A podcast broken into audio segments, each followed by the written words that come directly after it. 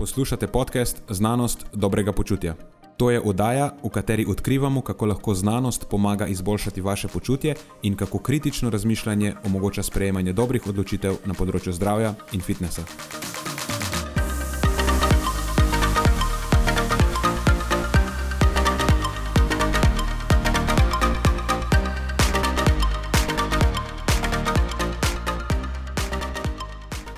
Tokrat je na vrsti redna epizoda z aktualnostmi in zanimivostmi iz področja zdravja in fitnesa. Z vami sva Nenad in moj sovoditelj Matjaš. Za ogrevanje sva se pogovarjala o našem nedavnem team building izletu v Prekmorje in o BBC-jevi seriji The Story of Science. V glavnem delu sva predstavila novi raziskavi o zaščitnih učinkih flavonoidov na zdravje možganov in vplivih fizične aktivnosti na različne zdravstvene izide. Za konec pa sva odgovorila še na vprašanje o izbiri omega-3 dopolnil. Preden začnemo, pa se moram zahvaliti še našim sponzorjem. Zaenkrat to še vedno ni velika korporacija, temveč zvesti poslušalci, ki nam izkazujete zaupanje in podporo s prijavo v našo člansko skupino Znanost dobrega počutja. Hvala vsem, ki s tem držite luči prižgane in omogočate podkastu, da raste ter postaja še bolj kakovosten. Hvala tudi vsem ostalim, ki nas podpirate z visokimi ocenami in pozitivnimi komentarji, ter tako, da priporočate podcast svojim znancem in prijateljem. Zdaj pa je končno čas za začetek epizode. Uživajte ob poslušanju.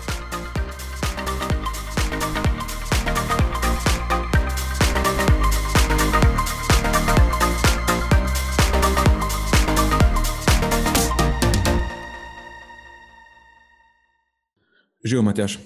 Hej, Nenad, pozdravljen. To je 21. epizoda, pomeni, da snemava pet mesecev že to zadevo. Najn uh, otrok, najn podcast je star že pet mesecev. Ja. Kako, kako hitro odraščajo? Nisem pričakoval, da boš rekel, sicer otrok, ampak ok. V glavnem, tudi jaz sem šokiran in presenečen. Moram reči, da, da so naši poslušalci, najni poslušalci, zelo hvaležna publika. Zelo hvale, sem tudi jaz njim kontrahvaležen, da so oni tako hvaležni. Imamo mm. občutek, da tako jahava na valo eh, pozitivnih in uspodbudnih komentarjev, da nam je zato tako lahko. Ja, zagotovo ima to, eh, zagotovo nekaj to prispeva k temu, se strinjam. Oziroma, velik delež temu prispeva.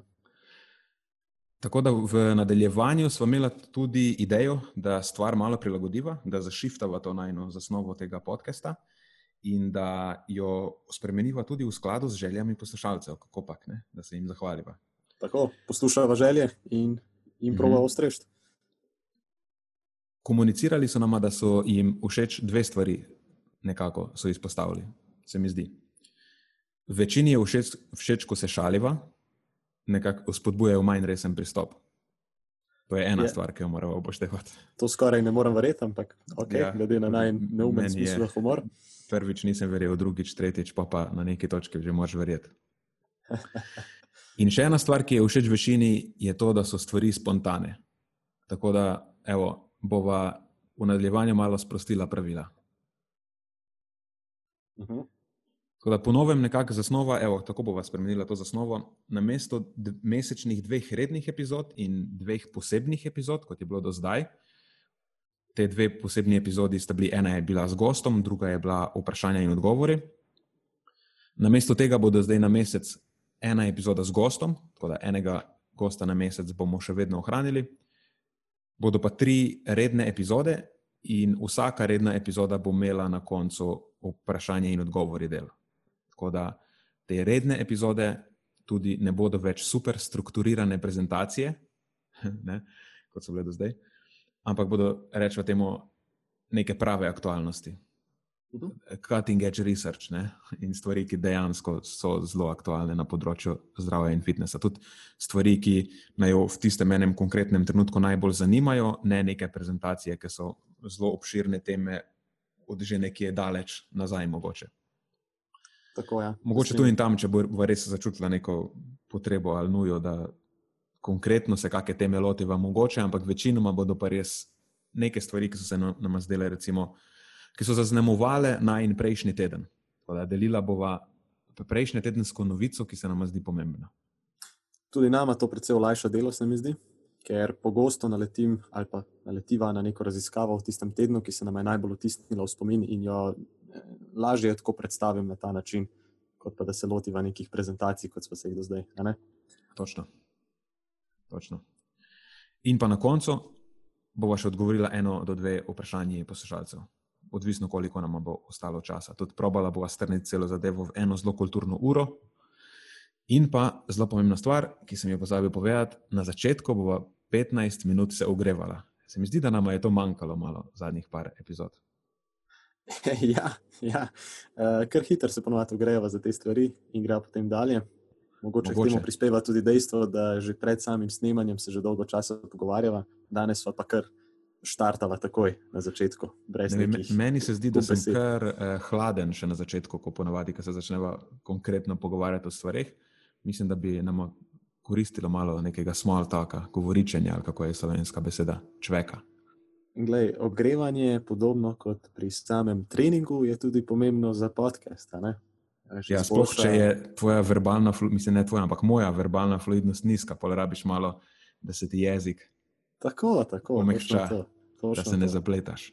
Dvig verbalne fluidnosti, manjša pojavnost poškodb, tako je pri ogrevanju običajno. Tako je. boljše podajanje informacij, vse v tem stilu. Evo, da ti povem, čak, da izklopim najprej telefon, ker vidim, da mi piska. Evo ti, evo ti, evo ti spontanost. Kako še ena spontanost. To je še ena, prva pravila. Še ena spontanost je ta, da mi pred hišo nekaj kopajo, glih pravi čas so našli. Tako da, če se sliši kako razbijanje, nek, nek material, neke kamne izkopavajo, ne vem, ali bodo kamnolom odprli to je zato, da se počutiš bolj doma. Ko smo bili na tem eh, team buildingu pretekli vikend, so nam prav tako kopali tik pod oknom našega hotela, tam v Murski soboti, Evo, ni, ne, veš, vse zate. Ja, dobro, da si to omenil. Glej, sem razmišljal, a, a če vam malo več povedati o najnem izletu. Zdaj smo nekaj namigovali, da smo bili v prekmorju na team buildingu, a niso nič več povedali. Ja, dej malo se pohvali, ker si ga res izvrstno izpeljal, dobro si ga organiziral. Da, ja. Ja, mogoče res slišati. lahko začnemo prodajati to zadevo. Ali pa sem pri, kot priporočilo, če bo kdo mogoče v prihodnosti, če ga zanima prek morja. V treh dneh mislim, da lahko zelo kulturno uh, obhodiš in vidiš pomembne stvari o prekmorju. Sploh če jih razdeliš nekako na tri dele, tako kot smo mi naredili. Smo prvi dan, smo tabel vzhodni del, tam proti Lendavi, pregledali, potem drug dan ta srednji del, okoli Murske sobote, pa mogoče malo, malo više proti Goričkem, in potem zadnji, tretji dan smo ta najbolj zahodni del proti Gradu na Goričkem, to je tam čist, čist gor v glavo eh, obdelali. Lahko poveš ti. Kaj ti rečeš zelo kulturno, ne? se morajo poslušalci zavedati, da si ti izjemno natempiran časovno, tako da smo bili kar, aha, evo, nekaj smo pogledali, ok, gremo naprej. To je bila ena izmed kritik, ja, ampak moram v svojo obrambo povedati, da kljub temu, da prekmorje ni eh, velika pokrajina v smislu eh, pač ne kvadratnih kilometrov površine, ima precej kulturnih znamenitosti. Tako da, če smo hoteli vse ostlačiti v te tri dni, smo morali slediti enemu urniku. To je bila moram, moram pa priznati, da nisem verjel, da bomo imeli toliko veliko stvari za, za videti v tem predelu. Da, Lahko poveš, o, kaj ti je bilo najbolj všeč? Pa ti moram povedati, da mogoče sem je na, na prvo mesto, eh, kljub zelo lepi pokrajini in lepemu razgledu tam na vrhu vinarja, eh, se mi morda celo najbolj vtisnil spomin tisti, tisti bar. Kako se mu že reče, tisto zaklonišče, tam v Murski soboti, bunker. Tako. Ja, Post-apokaliptičen bar. Evo, ja. To ni sponzorirana objava, prosim, lepo. Ni, ampak če komu Mad Max pri srcu, uh, tako ali pa podobne te post-apokaliptične uh, scenarije, potem je to zagotovo odlično mesto, dobra hrana, uh, dobra pijača. In če še to pokombinirate z dobro družbo, potem ste zmagali. Na večjih nivojih je ta stvar zanimiva, pa je tako unik, spet se na moje slovenske besede spomnim, to je katastrofa. Edinstvena. ponudba hrane, pa sploh hamburgerjev, hamburgerjev, recimo, je taka, ne vidiš nekjer drugje take. Pač zelo nenavadna, tudi vsi hamburgerji so poimenovani z nekim svojim imenom. Ampak pač z najbolj. Filmskim imenom, z nekim filmskim imenom, celo. Ja. Ampak od vsega najbolj je ti, tisto, kar loči od drugih barov, je pa ta uh, dizajn te cele zadeve, ki je v tem Mad Max stilu, ne? postapokaliptičnem. In so dejansko avto je tam namontiran noter na streho in razne lutke. Neka strojnica je v izložbi, ja, razne lutke in vse ima izjemno detajl, vsake te stvari je, je full izdelan. To je nekdo prav mogel se lotiti vsake lutke, ki so tako res najmanjši detajli. Pač res kapo dol tistemu, kdo se je loteval tega, kdo je eh, stoji pač v zadju, v zadju za tem, kdo je bil mojster te uh mhm. -huh. zasnove. Tako da, bolj kot bar je to mogoče neka tudi znamenitost, nekaj kulturna znamenitost, ampak nekaj, kar vsekakor se splača videti. Ne mm -hmm. samo iti tja, nekaj spiti, pa pojesti, ampak dejansko iti pogledati to. Tako, definitivno. definitivno. Drugač pa je, ja, kar smo še videli, takega je bilo, bili smo pač na gradu, bili smo eh, na stol po vinarju. Sploh se ne morem zdaj spomniti vsega. Bili smo v adrenalinskem parku, to je -hmm. mogoče meni bilo najljubše. Tam smo prebudili eh. notranjega otroka v Nenadu.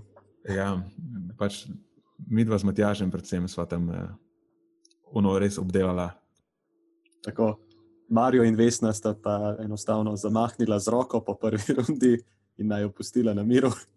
ja, mi da so bile pač kot otroka tam po njih plezalih, Sem, ampak so kar naporna, no moram reči. Je izjemno zahtevna proga, pa to ni bila moja prva, tako da so kar zastavili nivo. Evo, tako da tudi to je nekaj za probat, realno. Ja. Sploh, če je nekdo ima rad bolj tako aktivne počitnice ali pa se rad zmede. Jaz sem bil kar zmatran. Na koncu sem že, pač nisem imel več glikogena v rokah, prav nisem, nisem mogel več roko uporabljati. Mm, ne, spogledala neke... sva se na zadnji postaji z Nenadom in videl sem v očeh, da so njegove glikogenske rezerve popolnoma izpraznjene, kar je bil, kar je bil znak, da je konec te dogodivščine. ja, si mislim, da so bila oba dva že kar dobro utrujena na koncu. Ja. Nenad, še en izjemno velik highlight sem pozabil omeniti, mogoče bi to mogli dati na prvo mesto. To je, kako lepo ste nas pogostili doma pri Kojčevih, eh, spoznal tvoja starša, eh, zelo lepo so nas pogostili, eh, odlično, eh, odličen ambient imate tam. Da, to je, to oh, hvala, hvala. Ja, to, bo, to bo staršem veliko pomenilo. Sploh mama, ki posluša ta podcast. Tako. Bo slišala, pa hvala. Jaz smo se imeli kar fino, jedli smo prvi plan je bil iz Sača, da naredimo stvari, ampak nam potem ni zneslo, tako da smo dali vse skupaj v pečico in smo se pogostili z uh, veliko ene zelenjave, ne, da najprej to mhm. omenim, ki je bila v Saču narejena, da ne bo kdo rekel, spet, da najprej meso izpostavljam. Ampak potem je bil, pač, ja, je bil tudi jagenček noter, pa uh, svinska rebra so bile, pa tako, taki fini balkosi mesano da, da ne omenjamo teh uh, beljakovinskih uh, štrudlov in mufinov in vseh teh. A, tudi to je bilo. Ja, mama se je zelo potrudila in je izdelala uh, te mafine po filgut receptu. Vsaka čast, to pa je. To pa je, in je bil, če kak je bil štrudel, je bil slivov štrudel, je bil, se mi zdi. Uh, ja, ja. No, v glavnem jedli smo ful. Jedli ja. smo ful, ja, tako. Ful in dobro. In takrat sem spoznal, da ima Nenad, je pravzaprav taka prazna vreča na dveh nogah, um, črna luknja v želodcu. Koliko hrane lahko ta človek da vase, to je, to je neverjetno. Ej, bili smo aktivni. Ta dan, ta dan smo bili aktivni, treba se je bilo najesti. To je res. To je treba res. je bilo napolniti rezervoar in to je to. Vemo, kakšne so naše energijske potrebe in se hranimo v skladu z njimi. Evo, že navezujemo na prehranske teme. Tako je. So že zašla. Da, preden začnemo, jaz imam še eno aktualnost, ki jo moram omeniti. Povej. Mm, gledam eno, v bistvu je priporočilo, mogoče se bo komu zdelo uporabno. Gledam eno serijo, ki se imenuje The Story of Science. Um, mislim, da je naslov Power, Proof and Passion. Gre za BBC-ov dokumentarec, sicer je star dokumentarec, sem bil presenečen, da ga ne poznam iz leta ne, 2010, nekaj takega. Mi je bilo pa zanimivo, ker je zelo podoben tisti National Geographicovi seriji Kosmos, veš, ki jo vodi uh mhm. -huh. Neil deGrasse Tyson. Uh mhm. -huh. Tisto morda je moja najljubša serija vseh časov. Se mi je pa, sicer ne morem se odločiti, ali si pogledal drugo sezono tistega? Ne, prvo sezono Kosmosa. Okay. V glavnem obe sta kul. Cool. In v tej The Story of Science zadevo vodi Michael Mosley. Evo, on glih ni moj najljubši komunikator znanosti, ampak se mi zdi, da je tukaj kar dobro opravil svojo nalogo. Je pa zanimiva eh, ta zadeva, se mi zdi zato, ima šest delov in uh, vsak del se ukvarja z, z eno znanostjo, rečemo temu, ne, in kako se je razvijala tam od leta recimo 1700 ali pa tudi če malo prej, pa do danes. In nekako po teh šestih delih nam ta serija uh, sporoči ali pa nam pove, kako so dejansko te posamezne bazične znanosti, matematika, fizika, kemija, biologija, ne, kako so omogočile razvoj sodobne družbe. Pa še ena stvar, zakaj se mi je zdela zanimiva, je to, da nekako ne govori o tem razvoju znanosti kot o seriji nekih uh, eureka momentov, a veš, da je bil en genialc in si je nekaj si izmislil. Ampak dejansko proba povzeti tako kompletno zgodbo in pove, kako so samo določeni posamezniki gradili na idejah drugih posameznikov, in kako v bistvu niti ni bila ta genialnost posameznikov tista, ki je bila važna, ali pa mogoče najbolj važna, ampak tudi tisti čas, v katerem so živeli, eh, duh časa, mogoče okoliščine, ki so v nekem. Na neki lokaciji, kjer so se ti posamezniki znašli, glih takrat ne, so bile okolič, okoliščine takšne, da so omogočile, da je ta ideja padla na plodna tla. Tako da, zelo zanimivo, no, če nekoga zanima, kako je znanost kako nam je znanost omogočila, da se danes znajdemo ne, v tem trenutku časa, pa da imamo toliko enih lepih stvari, ker pač realno je znanost tista, ki nam omogoča vse te lepe stvari, ne, tudi v končni fazi. To, da mi dva zdaj podcastava, je pač produkt znanosti in skoraj ničesar drugega. Tako da, ja, priporočam. Je pa to ena pomembna misel, ki si jo izpostavil, ne, to, da, da, da znanost je redko samo eh, rezultat enega genialca ali kakorkoli že. Eh, pogosto tudi, ko prebiraš literaturo, pa naletiš na eno raziskavo, si rečeš, wow, bomba od raziskave, ampak ne bi bila možna uh, brez trdega dela že toliko ljudi pred tem in pa raznih misli. Pogosto se mi zdi, da pozabimo na to dejstvo. Mhm. Pač, ljudje imamo radi, ko se izpostavi, dejansko, da težimo k temu, da vzdržujemo nek kult osebnosti. Radi bi, ja, da, je, da je en, ne vem, glaven ali pa nekaj, da je ena zvezda, ki lahko jo čestimo. Ampak v resnici ni nikoli tako. Ne. Se tudi, recimo, Einstein, ki je nekako izstopa, mogoče celo, ki ima najbolj oblikovan kult osebnosti. Ne, tudi ni bil posameznik, ampak je gradil. Ja, marsikaj je dodal, vlastno ročno.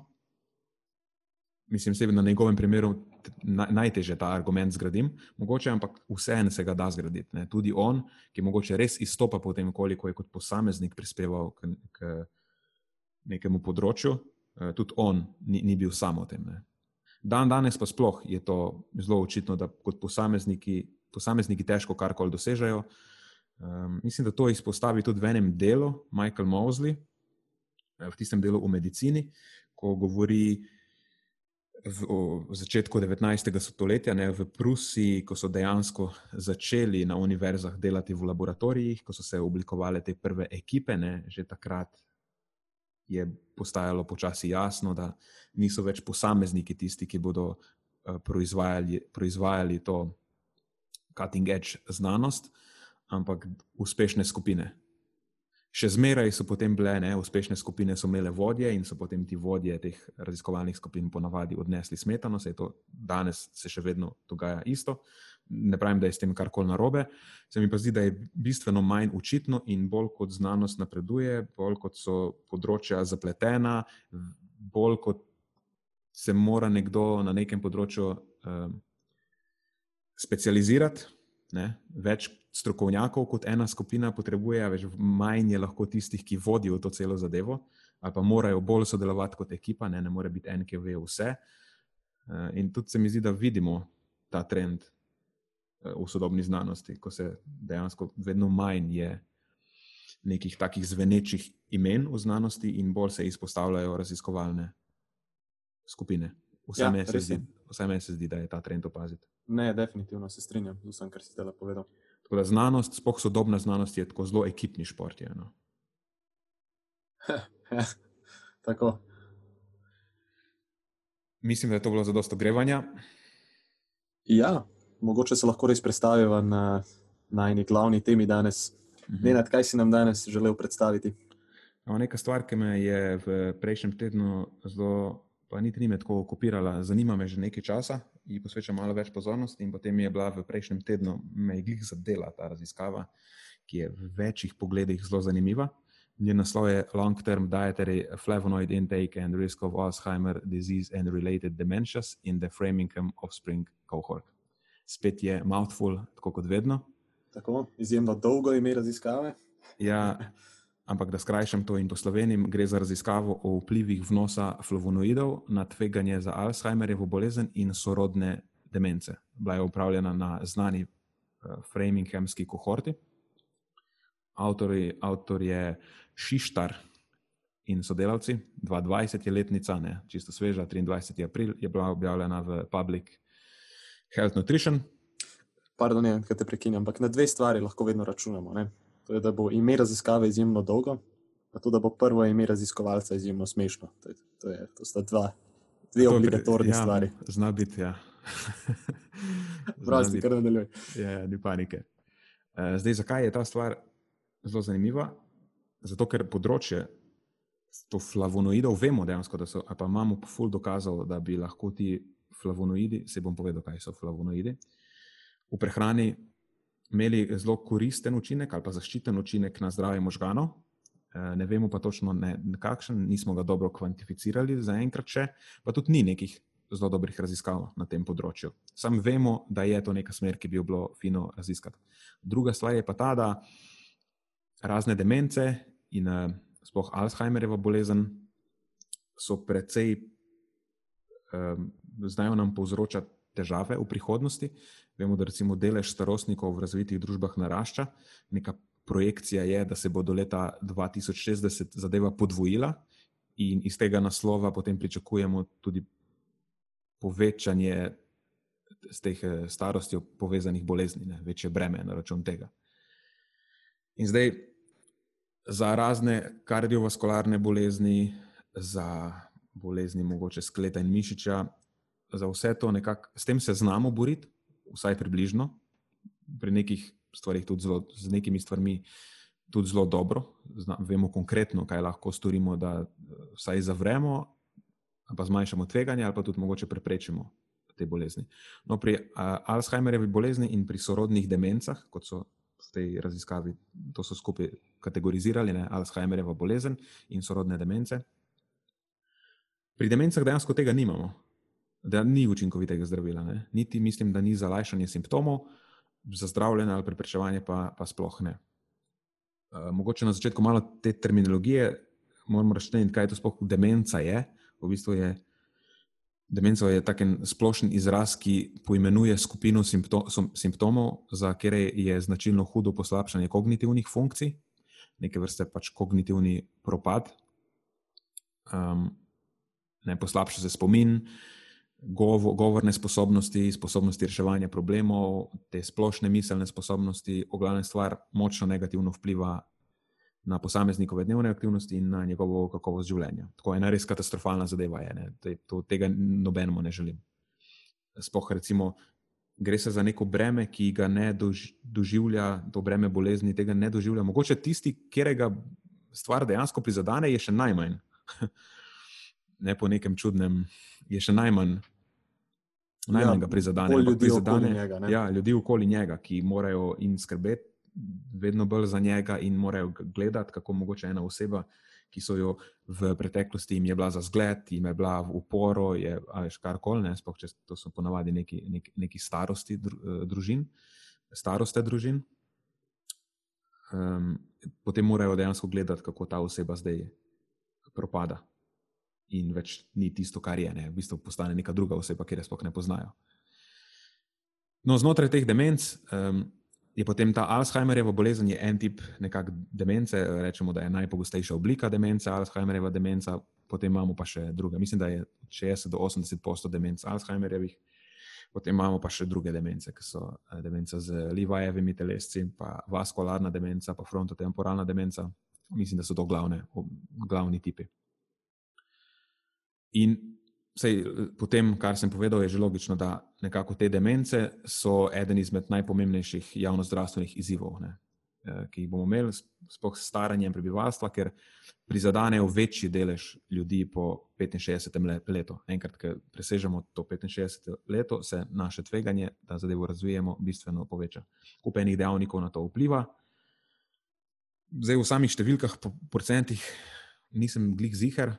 Vem samo za številko, da okoli 6 milijonov američanov trenutno trpi za neko obliko demence in da so do leta 2050 projicirali porast na 14 milijonov, torej več kot, še več kot enkrat več, kar je v bistvu ogromno. Ne? In to moraš tudi nekako, če hočeš ugotoviti, kakšen delež ljudi prizadene ta stvar, lahko zadevo pomnožiš vsaj z dva ali pa še več. Ne?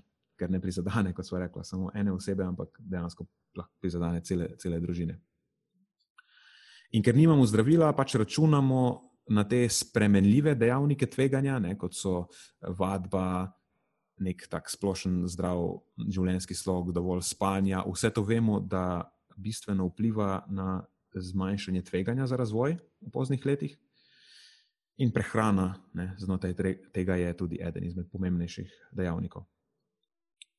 Kar se tiče same prehrane, pa imamo na tej točki imamo že precej dokazov, da je nek mediteranski tip prehrane, ta, ki najbolj bistveno zniža tveganje za kognitivni upad, pa za to. Uh, za vse demence, v bistvu bomo kar uporabili besedo demence od zdaj naprej, da, ne, da se ne zapletam več z Alzheimerjeva bolezen in sorodne demence. Bomo kar rekli demenca in vemo, o čem govorim. Poglavnem, mediteranska prehrana, vemo, da ima nek zaščiten učinek, bi lahko imela, je precej dosledno, pa močno povezana s tem. Tudi druge izpeljanke mediteranske prehrane, kot so dež dieta, pa še ena specifična izpeljanka, ki je prav ciljena za kognitivno zdravje, je Mind, M-I-N-D, Mind dieta. Je tudi izpeljanka mediteranske prehrane, ki isto kaže zaščitne učinke, tako v opazovalnih, kot v kliničnih raziskavah. No, en razlog, zdaj, zakaj mediteranska prehrana bi lahko bila koristna, je ta, da gre za prehranski vzorec, ki, poleg vseh drugih koristnih stvari, tudi poudarja uživanje z flavono, flavonoidi bogatega sadja in zelenjave. Ne. Flavonoidi so torej ena stvar, ki jo najdemo v rastlinskih živilih, tako generalno, predvsem pa recimo v sadju in v zelenjavi. Da, flavonoidi so pač bioaktivne snovi, ne. rekli smo, da so naravno prisotne v različnih rastlinskih živilih. Zdaj, glede na kemično strukturo, jih pa lahko razdelimo v štiri, tako v grobem, v, v, ne v štiri, pardon, v sedem razredov jih lahko razdelimo.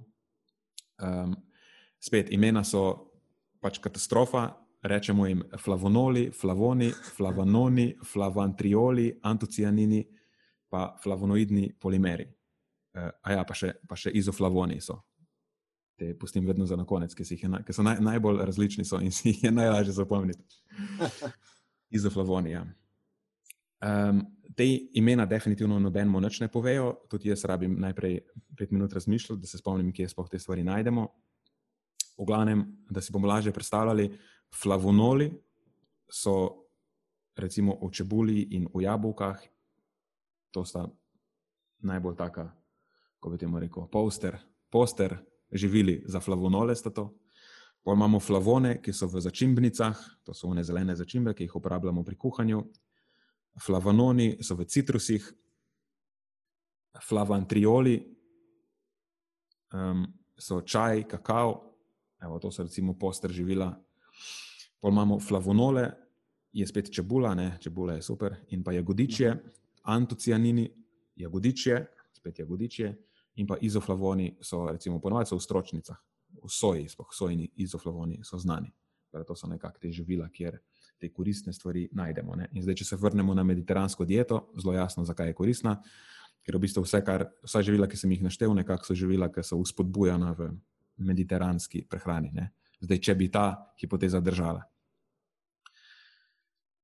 Tako da raziskave, pač tudi smo rekli, da raziskave s flavonoidi pri ljudeh oziroma z živili, ki so bogat, bogat, bogata, wow, malo sem se zapletel, ki so bogata z flavonoidi, eh, kažejo zelo spodbudne rezultate na različnih področjih kognitivnega zdravja, spomina, pozornosti, izvršilnih funkcij itd. Je pa tako, da večina jih je kratkoročnih, zelo takih akutnih, in ne moremo glih teh stvari ekstrapolirati na področje demenc, ne, ki vemo, da se nekako razvijajo. Ne. Učinek prehrane je kumulativen ni zdaj, da jaz sem nehal jesti jagodiče, včeraj pa bom jutri dobil demenco. Ampak se gre za to, kakšna je bila naša prehrana prejšnjih ne, 30 let, mogoče, ne, ker se pokaže šele po ne, 65 letu. Tako da, če mi bi recimo preverjali tveganje na skupini starih pod 60 let, najbrž ne bi spohnoč ugotovili. Ne. Moramo imeti dejansko starostno skupino, na kateri se lahko to pokaže. Zato je recimo ta framinghemska kohorta bila, bila dobra, ker so lahko to spremljali desetletja. In dejansko je ta raziskava ena izmed prvih, ki je tako dosledno s to stvarjo uh, opravila. Tudi metodološko je precej zelo tesna. Je, Rekli smo, da gre za to Framinghamsko uh, kohorto, Framingham Hard Study, oziroma dejansko gre celo za nadaljevanje, ki je Framingham Offspring Study, ki so potomci te prvotne kohorte. Zdaj, znotraj tega imajo ti udeleženci imeli redne zdravniške preglede, vsaka štiri leta, ne, to so bili pač tako zelo dosledni, pa tako eh, natančni zdravniški pregledi bili so upravljeni razni laboratorijski testi, kardiovaskularni testi, razni vprašalniki. Marsikaj se je spremljalo uh, tekom, tekom tega. In uh, tudi vse skozi, vse skozi so updateali, nadgrajevali so njihove, njihove kartoteke ne, z raznimi zdravstvenimi izidi. Če so imeli srčno žilno bolezen, so jo zabeležili, če je prišlo do diabetesa, če so imeli visok krvni tlak, kadarkoli vmes, ne, ko se je pojavila demenca, vse je pač bilo beleženo. In čisto spremljali so jih v tej konkretni raziskavi od leta 1991 do, leta 14, do leta 2014. Ne, vidimo, da v bistvu skoraj 25 let. In tako vključitveni kriteriji so vse jasni. Nekaj tasga na začetku ti ljudje niso smeli imeti demence, ne, tako da pač vključili so zdrave ljudi, ki so mogli biti na, ob začetku stari manj kot, oziroma več kot 49 let, ne, na prvem pregledu, ker to pomeni, da so na koncu, teh, po teh 25 letih, bili stari čez 70 let, ne, je bilo dovolj časa za razvoj znakov demence. In pa tudi vzorec je bil dokaj velik, 2800 udeležencev je bilo. Pol prehrano, tudi prehrano so zelo. Predvsej tesno, ne, glede na to, da je šlo za opazovalno raziskavo, niso uporabili samo Food Frequency Questionnaire, ne, tega klasičnega vprašalnika, ki se uporablja, Eh, ker včasih epidemiološke raziskave uporabijo samo ta vprašalnik na začetku in porečejo, da ja, vaša prehrana je bila deset let ista, ne vemo pač, da ljudje spremenjajo prehrano. Uh -huh. Tukaj so večkrat vmes uporabili Food Frequency Questionnaire.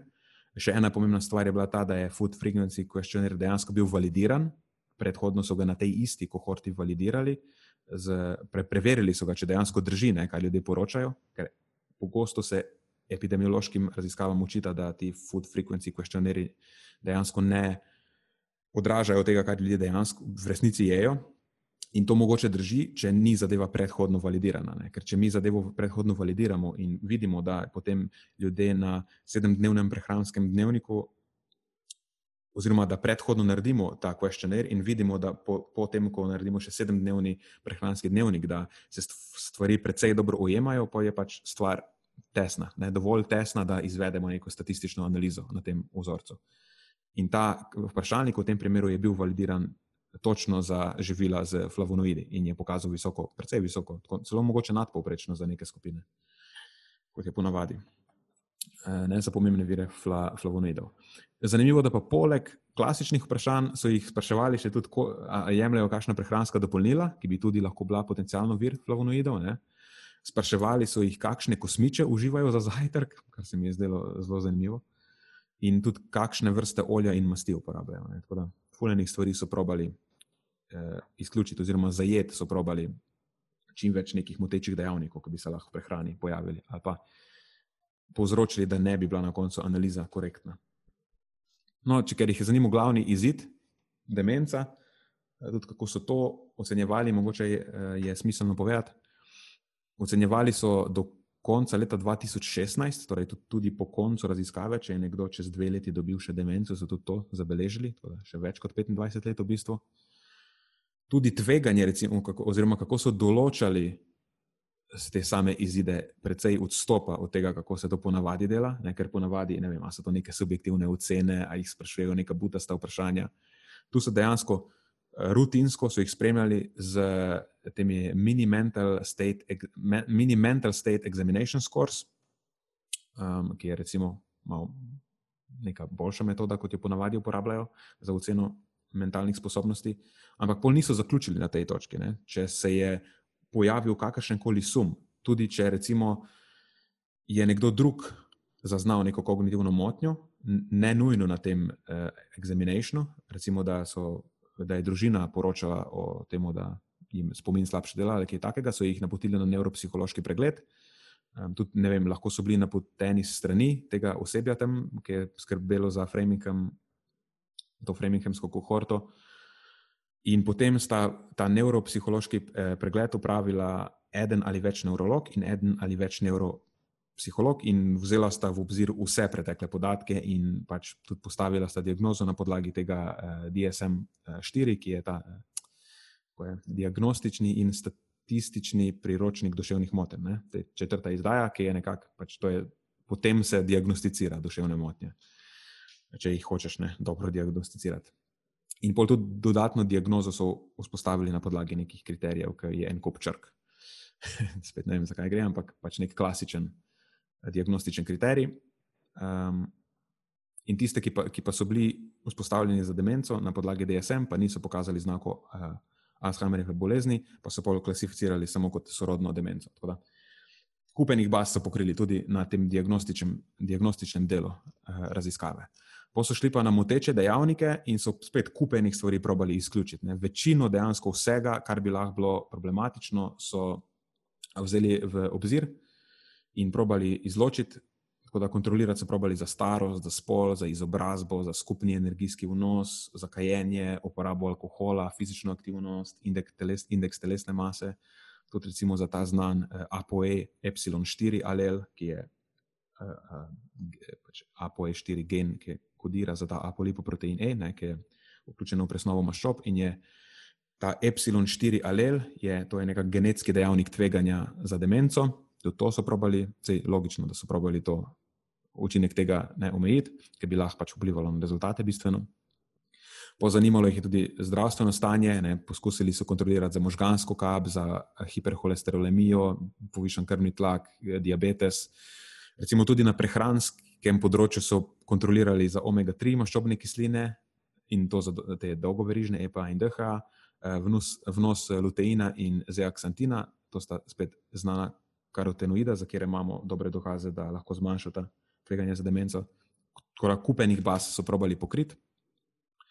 In da so potem prišli do, kar se meni zdi, precej tesnih rezultatov, ne precej dobrih rezultatov, ki nam lahko pomagajo sklepati o tem, um, kako mi nekako praktično lahko, kaj lahko naredimo na, za svojo prehrano, da bi bila zaščitna proti demenci, bolj kot je recimo zdaj. Nekako po, po, povezave so se večinoma pokazale nelinearne. Um, pač to je lahko čisto posledica tega, da mogoče kontrast vnosa ni bil zadosten, ampak sej, na tej točki je to nerelevantno. E, tveganje za demenco se je dramatično zvišalo pri posameznikih, ki so imeli vnos flavonoidov nižji od 30. percentila. To je zdaj tako. Obstaja kakšna slovenska beseda za percentil? moja kar percentil. Gre se za to, Iskreno, da, hoče, da pojasnim, kaj sploh to pomeni. Ne.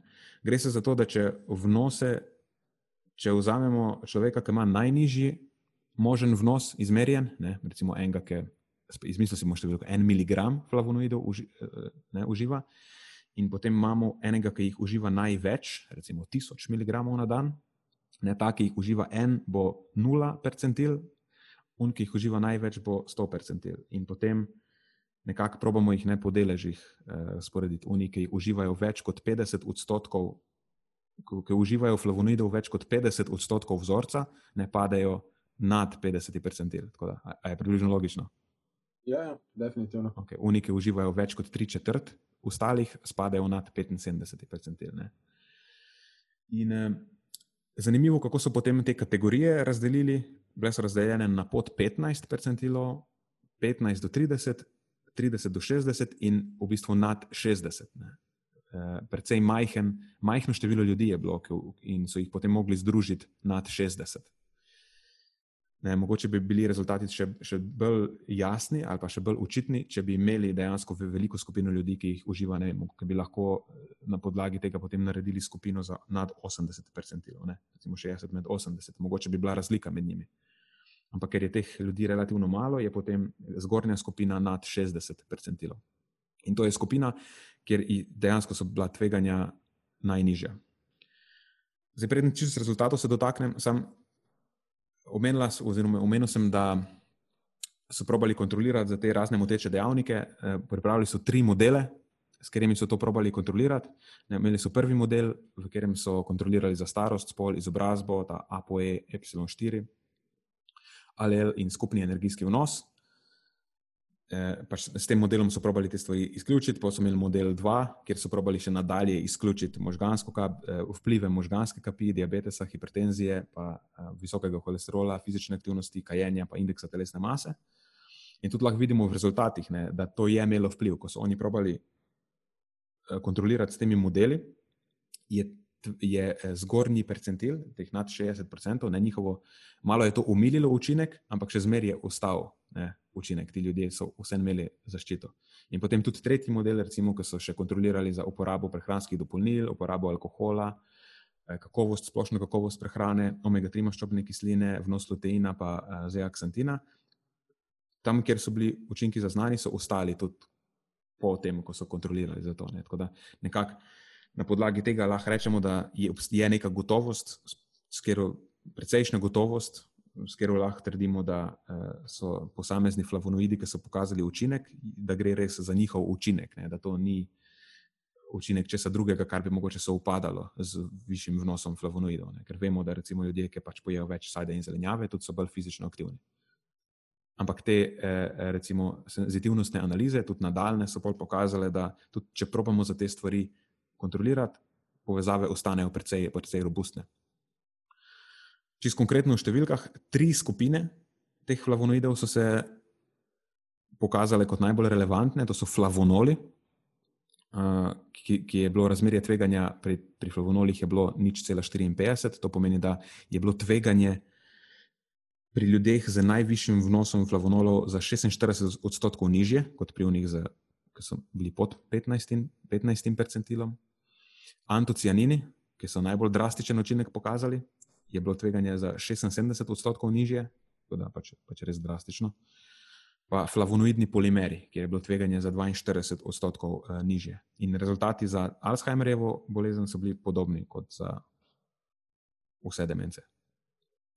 In tudi nadaljne, recimo, senzitivnostne analize, ki so jih izvajali, recimo, če so pre, pri ljudeh z demenco nehali beležiti vnos hrane pri desetih letih, namesto pri petih, ne? ker moramo vedeti, da ljudje, ki enkrat veš, ne morejo več skrbeti zase, to lahko vpliva na njihovo prehrano. In potem so probali ugotoviti, kaj se zgodi, če nehajo upoštevati podatke o prehrani pri teh ljudeh deset let pred diagnozo, ne? če bi to lahko vplivalo na rezultat. In tudi to ni pokazalo nobenega učinka. Um,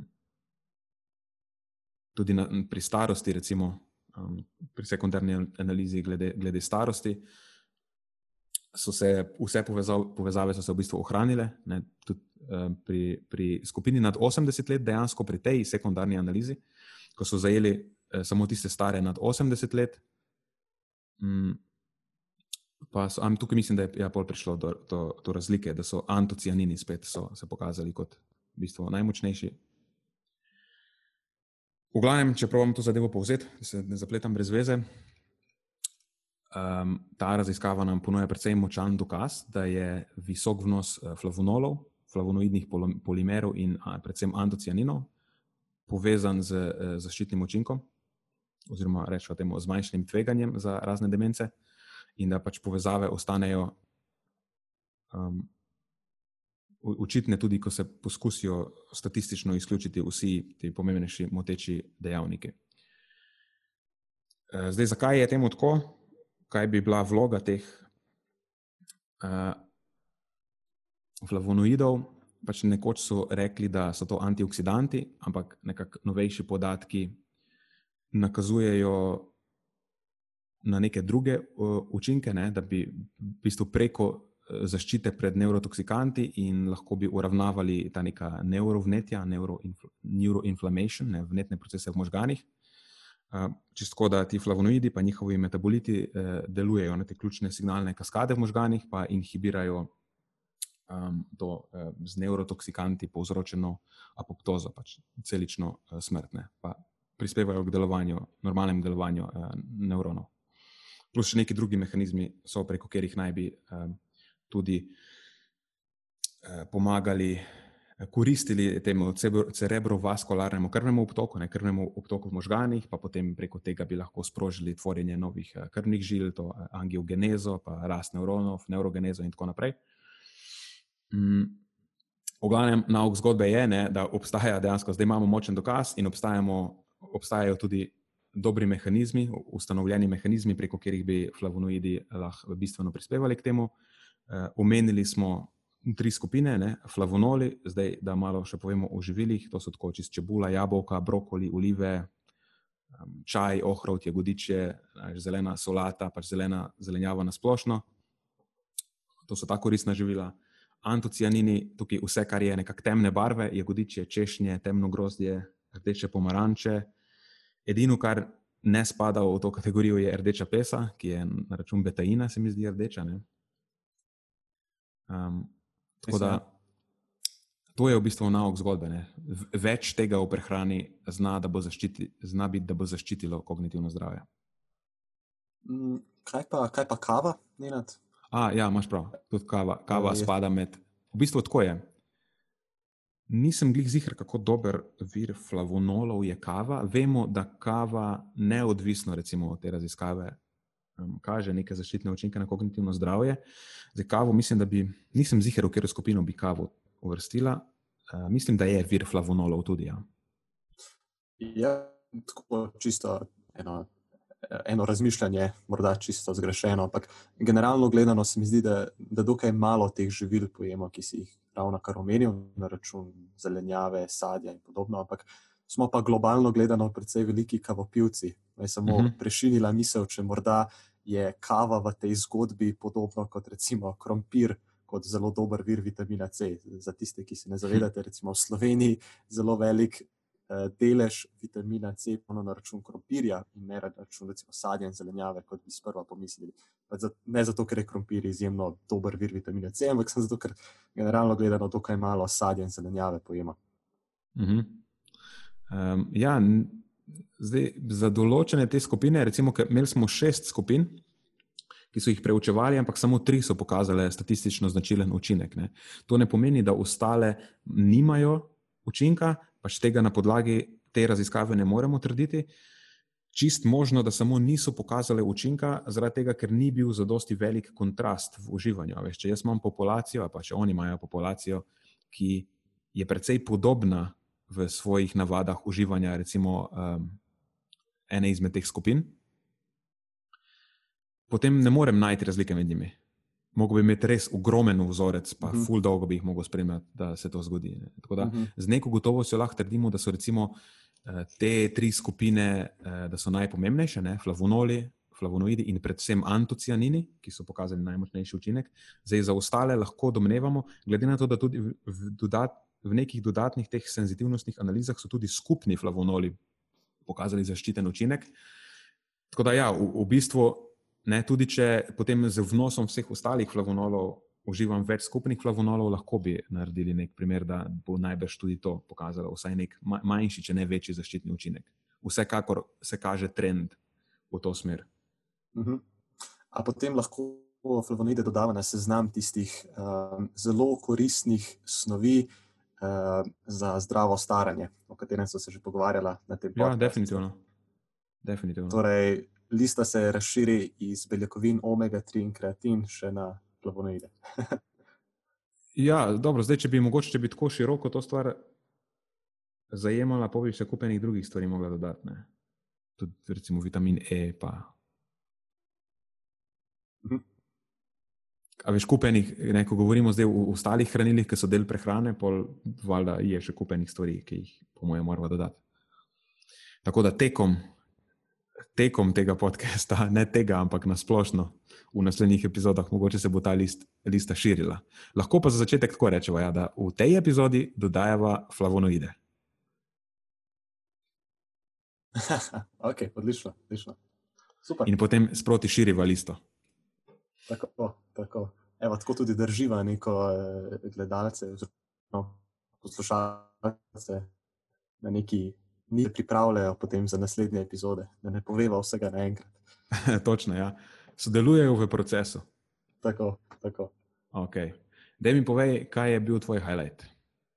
Meni je pa uh, v oči padla ena raziskava, uh, ki je šla letos Zava in sodelavcev z naslovom Recommended Physical Activity and All Cause and Cause Specific Mortality in US Adults. Skratka, raziskava, ki se ukvarja s tem, kako je redna telesna aktivnost različnih oblik uh, povezana s pojavnostjo različnih bolezni oziroma stopnjo umrljivosti na splošno. Uh, to je bila ena kohortna raziskava, kjer so s pomočjo vprašalnikov o pogostosti različnih oblik telesne aktivnosti, uh, kakor tudi o življenjskem slogu na splošno, ne, da posamezniki kadijo, kako redno pijejo alkohol in tako dalje, kakšen je njihov zdravstveni status, stanje prehranjenosti in tako dalje. Uh, jim je na koncu uspelo zbrati rezultate skoraj polovice milijona odraslih prebivalcev Združenih držav Amerike med leti 1997 in 2014. Uh, skratka, pri njih so nekako spremljali med temi leti, kako pogosto so telesno aktivni in potem odvisnosti od tega, kako pogosto se jim pojavljajo najrazličnejša obolenja oziroma kakšna je stopnja uh, umrljivosti pri različnih uh, stopnjah telesne aktivnosti. Uh, kot nek tak standard, proti katerim so pravzaprav primerjali te rezultate, so vzeli uh, ameriške smernice za telesno aktivnost. Te zajemajo priporočila minimalne aktivnosti 150 minut, lahke do zmerne aerobne aktivnosti tedensko, oziroma minimalno 75 minut visoko intenzivne aktivnosti tedensko, in pa tudi dva treninga z bremeni tedensko. Um, in kar so potem ugotovili ne, na podlagi rezultatov, so eh, za začetek razdelili udeležence v več različnih skupin. Eh, tiste, ki sploh niso uspeli ugoditi nobenim kriterijem telesne aktivnosti, ne za aerobno aktivnost, eh, kakor tudi ne za trening spremeni, ali pa na tisto skupino, ki so uspeli zagotoviti zgolj eno izmed obeh oblik aktivnosti, torej da so imeli dovolj aerobne aktivnosti, vendar niso bili dovolj aktivni z bremeni, ali obratno. In pa še vedno tista, tista zlata skupina, katerim nekako vsi stremimo, tisti, ki so bili redno telesno aktivni na obeh frontah, torej dovolj aerobno, kakor tudi dovolj uh, treninga z bremeni. Uh, in mogoče te ključne ugotovitve uh, so bile naslednje: torej, vadba z bremeni vsaj dvakrat tedensko je bila povezana z 11 odstotno manjšo stopnjo umrljivosti iz vseh razlogov, v primerjavi s tem, da posameznik ni treniral z bremeni dvakrat tedensko. Dočim aerobna ali pomenekovaj ta kardio vadba je bila povezana z Eh, kar z 29 odstotno manjšo stopnjo umrljivosti iz vseh razlogov, in pa seveda nepresenetljivo kombinirana vadba, torej vadba z bremeni, v kombinaciji z aerobno vadbo, pa je bila povezana z najbolj ugodnimi zdravstvenimi uh, izidi in sicer s kar 40 odstotno manjšo stopnjo umrljivosti.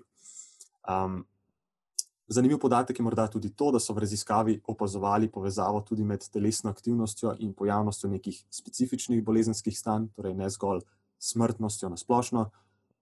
Aerobna aktivnost recimo, je bila povezana z manjšo pojavnostjo vseh osmih opazovanih obolenj, to so bila diabetes, pljučnica, Alzheimerjeva bolezen, o kateri si ti danes ne že podrobneje govoril, potem nefritis, torej težave z ledvicami, fizične poškodbe, srčno-žilno zdravje in pa okužbe spodnjih dihal ter na splošno rakava obolenja.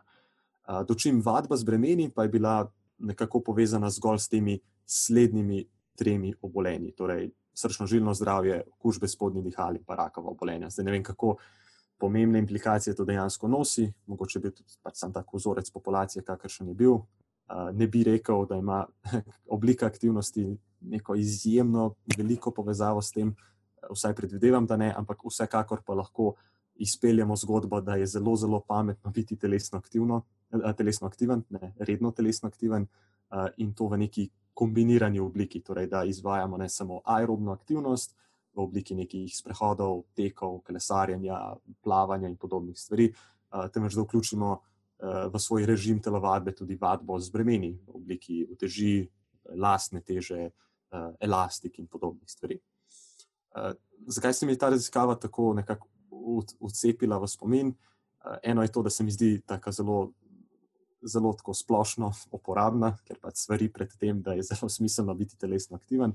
Eh, druga stvar pa je seveda to, da ima nekatere bistvene prednosti ta raziskava. Ne? Ima zelo uh, veliko udeležencev ima, ne, praktično polovica milijona ljudi, ogromen vzorec ljudi. Ne. Uh, tudi poskušali so standardizirati za veliko faktorjev znotraj te raziskave, ki bi sicer lahko vplivali na rezultat, recimo čist lifestyle ljudi na splošno, uh, pojavnost uh, nekih kroničnih obolenj pri njih in tako dalje.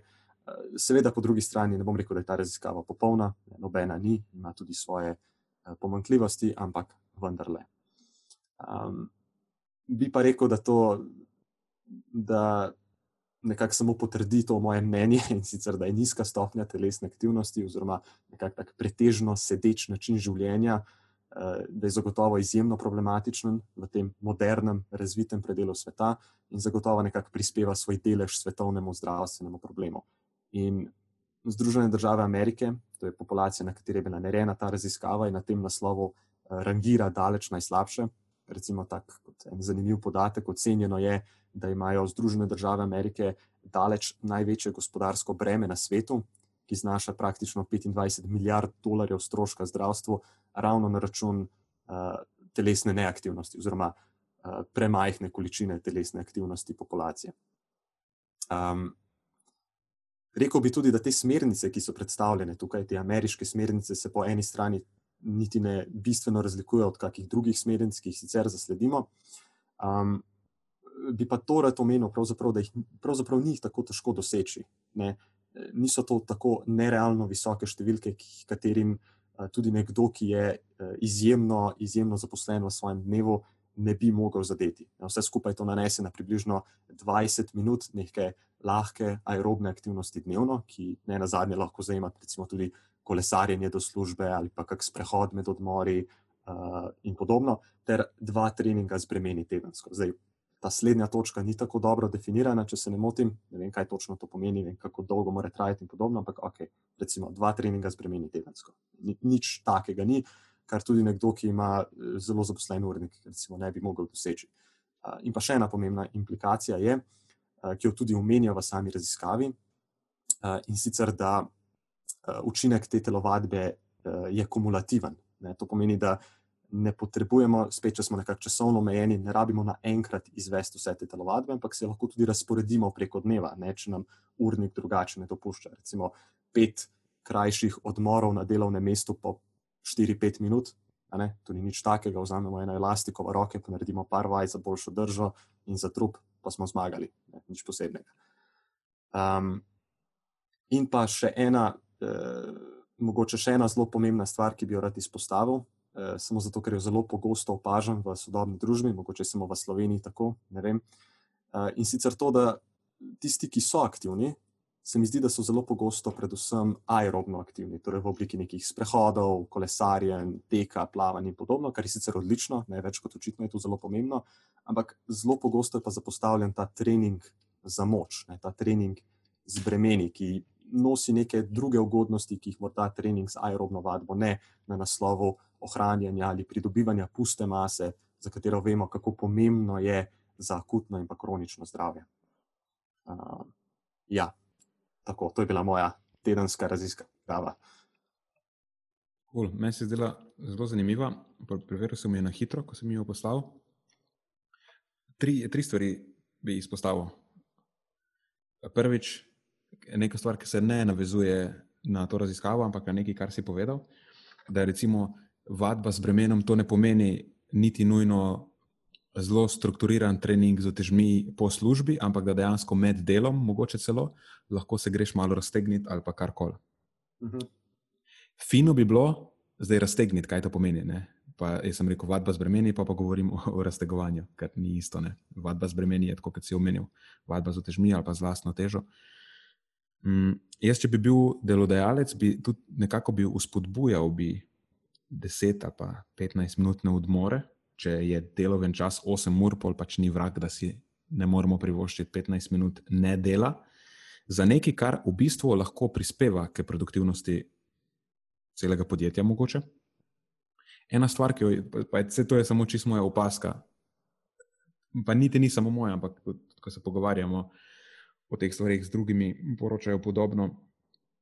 Je opaziti je nek eh, kognitiven učinek, direkten, skoraj akuten, neke fizične aktivnosti.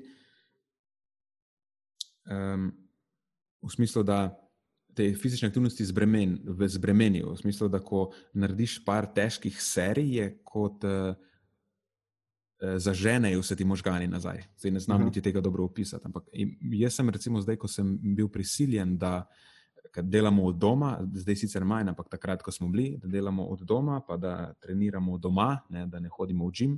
To je navada, ki jo še zmeraj vzdržujem. In en razlog, zakaj še zmeraj to navado vzdržujem, da se nisem vrnil v fitness, je, točno ta. Opazil sem eno stvar, ki se že takrat, ko sem hodil v fitness, ko sem pač hodil normalno v gim, um, je ta, da se nekaj čudnega zgodi, ko stimuliraš mišice na ta način, ne, pač ko dviguješ nekaj, kar je relativno težko je kot da se ti, eh, vsaj jaz sem opazil, tako zelo, ampak tako res drastično, prižgejo se ti možgani. In včasih sem, potem, ko sem končal s treningom, sedel tam v spodnjih gatah v slačilnici in sem neki tipko na telefon.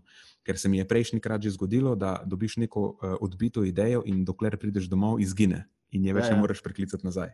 Ja, ja, no, kar zdaj naredim, ta učinek, ta nek uvid dobiš, ki ga moraš čim hitreje spraviti na list. Ja, papirja, in kar zdaj delam, je to, da pač pač da vadim gimnastiko, ker to je nekaj, kar sem že, pred, že dolgo časa nazaj. Je pač moj trening režim bil sestavljen iz, iz krogov in iz pač teh stoj in takih stvari, pač gimnastičnih prvin, rečemo temu. In zdaj, kar delam, je, da naredim serijo, recimo med tem, ko nekaj delam. In moj trening vključuje neko delo na nečem, na enem projektu, ki je zdaj trenutno pomemben, in vmes naredim več serijo, in tako moraš vmes počivati, se vrnem za mizo, pet minut nekaj pišem in pol, veš, grem spet narediti serijo. In veš, vse to narediš par serij in je konc. Potem spet nemoteno nadaljuješ z delom. Ne rabi biti 20 serij, pač to je moj primer, samo ker eh, narava mojega dela mi pač to dopušča. Ne pravim, da moramo to ukomponirati, da dajmo delati 5 minut, pa delajmo serije. Ne? Ampak zanima me, kaj bi se zgodilo, če bi recimo med delovnim časom imeli vem, dvakrat po 15 minut, kjer bi dejansko dobro stimulirali um, mišični sistem ali bi to dejansko imelo močan učinek na produktivnost? Ker moja hipoteza je, da bi imelo vsaj nek učinek pozitiven. Mislim, če sklepam po tvoji anekdoti, pa tudi po svoji anekdoti, ker sem čist, čisto se najdem v teh besedah, ki si jih ravno kar izrekel, bi jaz tudi prej rekel, da ja. Ker še en učinek, ki ga pa opažamo, je pa ta, da ko delaš 4 ure nemoteno, ali pa si zaseden, ne nemoteno, ampak prav, ja, nemoteno. Ker se prav zasediš, opaziš, kako ne, vsaj jaz opazim, da ne moreš več sklopiti nekih zadev skupaj. In prav rabiš ustati in iti dva kroga v kol, da lahko nadaljuješ, ker drugače se sam vrtiš v krogu in ničesar ne narediš. Uh. -huh. Evo, da ne eh, dolgo vlačim te zadeve, da ne zaidem spet kam. Še dve stvari sem rekel, da imam. Eh, če se ne motim, da me opo, eh, pač popravim, če se motim, se mi zdi, da za A je bilo drastično znižanje pri skupini, ki, sta, pri skupini, ki je vadila aerobno in zbremeni, tudi na področju teh, eh, kako je, lower respiratory tract infections. Ne, to so uh -huh. torej te okužbe in, infekti spodnjih dihal. Ja, tako, okužbe ja, ja, spodnjih dihal. Tako je. Tako je. In Kar pri aerobni vadbi, in pri seveda kombinirani vadbi. In mislim, da je to bil celo najmočnejši učinek od vseh specifičnih izidov. Tako je, res je. Ja. Kar je precej rečemo temu, mislim, trenutno je relevantna tema. Zelo aktualno. Zelo aktualna tema. In še, a je bilo tudi za, na področju uh, gripe in pljučnice, uh mhm, -huh, predvsem močan učinek. Tako, tako. Kombinirane vadbe. Da, vse to so mogoče dokazi, ki bi nas lahko spodbudili k temu, da v obdobju pandemije ostanemo aktivni na in tako aerobno, kot spremenili vadbo. Tako ne samo za vizualni izgled, ampak za zdravje. In preživetje. In preživetje, ja. In potem sem imel še tretjo stvar, ki sem jo zdaj pozabil. Ampak očitno ni bila tako pomembna. ja, očitno to je edini, edini znak. Lahko sicer malo še pobrskam po spominu, ampak mislim, da se mi ne bo vrnila v tem kratkem času, ki ga imamo na voljo.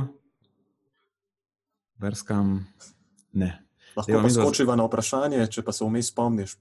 Ja, se je ni bilo, po mojem, ni bilo kaj takega. Um, mogoče je bilo nekaj v tem, da dejansko ta, ta meja, ki so oni presekali, kaj to pomeni za dosti vadbe, kot si omenil, ni bila zelo, ni to ni bila zelo visoka stopnička. Tako je, to je zelo nizka stopnička. Če smo si čist, če si lahko nalijemo kozarec čistega vina, zelo nizka stopnička je, ampak to je samo plus, ne, če si tako, če tako pogledaš. Uh -huh. Uh, kaj ti to pomeni, da pač enostavno ne rabimo že spet toliko narediti za nek pozitiven efekt, za nek minimalni vložek za zelo velik uh, output. Aha, spomnim se, zakaj sem hotel reči. Lej, mi sicer ful se pogovarjamo o prehrani in vsi skrbijo za prehrano in o nekih super dopolnilih, ki bi jih imeli, ampak lej, realno vadba je, po mojem, bolj pomembna kot prehrana. Sploh, ko govorimo o nekih specifikah prehrane. In tukaj zdaj govorimo o učinkih. To je pa zelo močno mnenje. O, o učinkih, ja, ampak govorimo o učinkih prehrane na zdravje, ne, ne govorimo o hujšanju in o nekih estetskih ciljih. Ne. In tudi ne, ne pravim, da prehrana ni pomembna, ki je ne, niti slučajna, seveda, da je pomembna, super pomembna je. Ampak um, nima smisla dlakocepiti s prehrano, če nekdo ni fizično aktiven. Ker fizična aktivnost je pač eh, eden izmed predpogojev optimalnega zdravja. In ta raziskava se mi zdi, da zelo dobro pokaže, kako so vsa področja človeškega zdravja prizadeta, če nekdo ne dosega vsaj minimalnih standardov fizične aktivnosti. Tako dobesedno vse, česar se lahko spomniš, je na ta račun prizadeto. Ne? Fizična aktivnost je pač eden izmed predpogojev za zdravje. Aha. To ni nek luksus, ki ga izvajaš, ko imaš čas, ampak je nekaj, kar delajo ljudje, ki hočejo za svoje zdravje poskrbeti, skoraj pa obvezno. Je pa fajn vedeti, da niti ena, niti druga oblika vadbe ni obvezna, ne? da obe sta koristni. Najkoristnejše pa je, pač, da poskrbiš za vse sisteme, tako za kardiovaskularnega, kot za muskuloskeletnega. Mišično-skeletnega. Mhm. Dobro, Da, mi dva reši, če to vprašanje na hitro, a imaš toliko časa še? Ja, ja. ja. Zdaj je kratko vprašanje. Torej, to je ta QA del tega uh, podcasta. Uh, v in o, ne, prosim, lepo. Ja, se upravičujem, eh, mudi se mi, pa nisem bil pozoren na, na S temi to. umazanimi globalističnimi forami, ki jih se s pepelom. Posipam se s pepelom, bom polk končal z molo. Uh, kako se reče, unemo, kaj se je odpuščanje. Pokora oziroma ja, ja. pokoro in rečemo temu, da je to. Ok, vprašanje. Kratko, na kaj moramo biti pazljivi pri kupovanju omega-3? Predvidevam, da se navezuje na ribje olje, oziroma na neko drugo dopolnilo omega-3, ker nimamo samo ribjega olja. Tako da mogoče lahko s tem začneva. Ko nekdo hoče specifično kupiti omega-3, ker je v prejšnjih podcestih slišal, zakaj so omega-3 zelo, zelo pomembne za um, več aspektov našega zdravja, hoče kupiti prav omega-3, ker pogosto se po prodajajo kakšna omega olja, ki ne vsebujejo omega-3, ampak, ampak samo omega-3, recimo, ampak vsebujejo tudi druga omega, omega maščobe, ali pa maščobe, ki jih klasificiramo kot omega, ne, to so polinenasičene maščobe. In so lahko eh, šest, devet, recimo, se pogosto dodajajo v ta mešana omega olja. Ne, to potem ni omega-3 olje. Tako da to že na, to je prvi kriterij, ne, po katerem pol ta olja izpadejo in na kaj moramo biti pozorni, da res gre za omega-3 olje. Potem naslednja stvar je, da gre za dolgoverižne omega-3. Pač hočemo imeti EPA in DHA, dolgoverižne omega-3 maščobne kisline, ker tiste kratkoverižne, ki so rastlinskega izvora, um, ALA, nimajo enakih koristnih učinkov kot EPA in DHA. To je naslednja stvar. Mhm. Mm, zdaj, idealno bi bilo potem, reč, ali pa rečemo tako, najprej, okay, ustane, kaj nam torej ostane, kaj so, kaj so dobra EPA in DH olja. Prvo je definitivno ribje olje, aj tako. Tako je. To ni nobena skrivnost. Zdaj, za nekoga, ki ne mara jesti rib, ostane še ena izbira. V bistvu je rastlinsko olje, ampak so alge, olje alg je lahko dobra alternativa za nekoga, ki ne mara ribjega olja. Um, Zdaj, kar se tiče kvalitete teh olj, idealno bi bilo, da so stvari nekega farmacevtskega razreda, ne, kot rečejo temu američani, pharmaceutical grade, kjer je v bistvu potem ta stvar dosega neke podobne standarde kot zdravilo. Samo to, ne vem, realno, če spohaj pri nas dobiš. Dobiš samo omega-3 olja, ki so prehranska dopolnila, ki pač morajo ustrezati manj rigoroznim standardom. Ampak se mi vseeno zdi, no, da večina tega, kar pri nas v lekarni dobimo, je ok. Zdaj, kar lahko poskrbimo, za kar lahko poskrbimo, je to, da kupimo od neke spoštovane znamke, recimo, ki ima neko ime. Mogoče tukaj velja tudi, koliko denarja, toliko glasbe. Pač ne, ne, pač ne kupi tu ne na petrolu za 3 evre. Čeprav tudi to se mi zdi, da ni pravilo, glih nujno. Če se ne motim, je bila pred, pred časom ena analiza slovenskega trga, pa so bile one Millerjeve, precej ok, uh mhm. -huh. kar me je presenetilo. Ja, one so precej poceni, ampak ok. Nekako v preteklosti se je vzpostavil sum, da so pogosto ta polinenasičena olja in omega-3 so pač ena izmed oblik polinenasičenih olj. Pogosto nekakovostna, da so oksidirana, da so neke druge primesi zraven, in to me je potem nekako dalo mi je malo misliti, če sem razmišljal, mogoče je vse neko količino pozornosti, eh, smiselno neko količino pozornosti nameniti, ko zbiramo ta omega-3 olje, pa pač zbrati neko relativno ok znamko. Zdaj ne rabi to biti eh, znamka, ki nas stane tretjino mesečne plače, ker so tudi zelo draga omega-3 olja, ne, ne pravim tega, ampak pač neko srednje razredno, mislim, da je čist ok.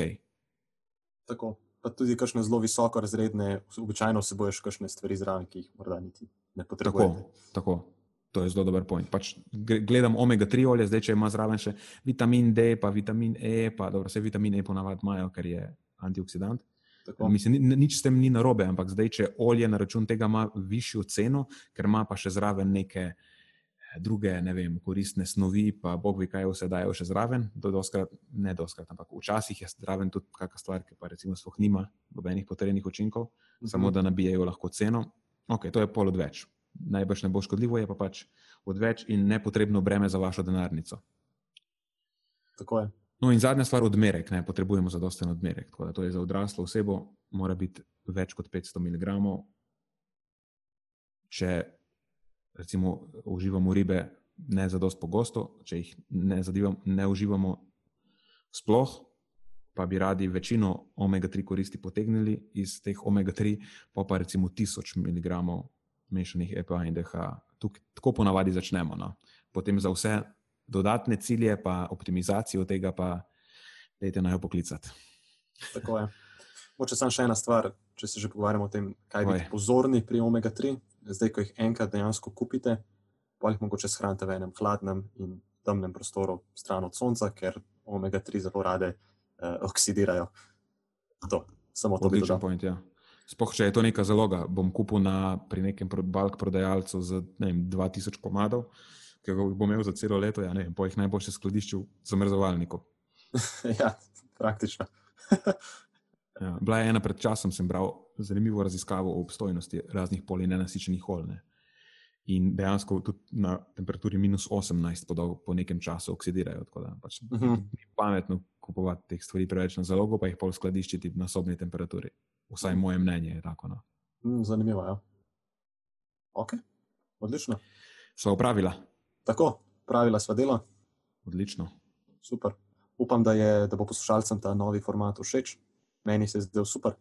Izvedel sem mhm. nekaj novega danes. Je, zanimivo je bilo to. Ja. Sporočite nam, če, če vam ni všeč ta format ali kar koli, ali pa če vam je všeč, da je nam to povedati. ja, tako.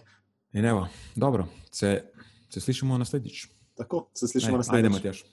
Čau, Nenad.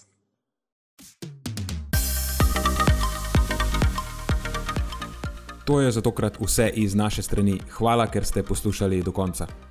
Če mislite, da je bila današnja epizoda pomembna, jo prosim delite s svojimi znanci in prijatelji in jo priporočajte dalje, saj s tem omogočite, da doseže čim večjo množico. Hvala vsem, ki nas podpirate s članarino in tudi vsem ostalim, ki delite podcast dalje in nam izkazujete naklonjenost z visokimi ocenami in pozitivnimi komentarji. Se slišimo prihodnjič, do takrat pa ostanite premišljeni.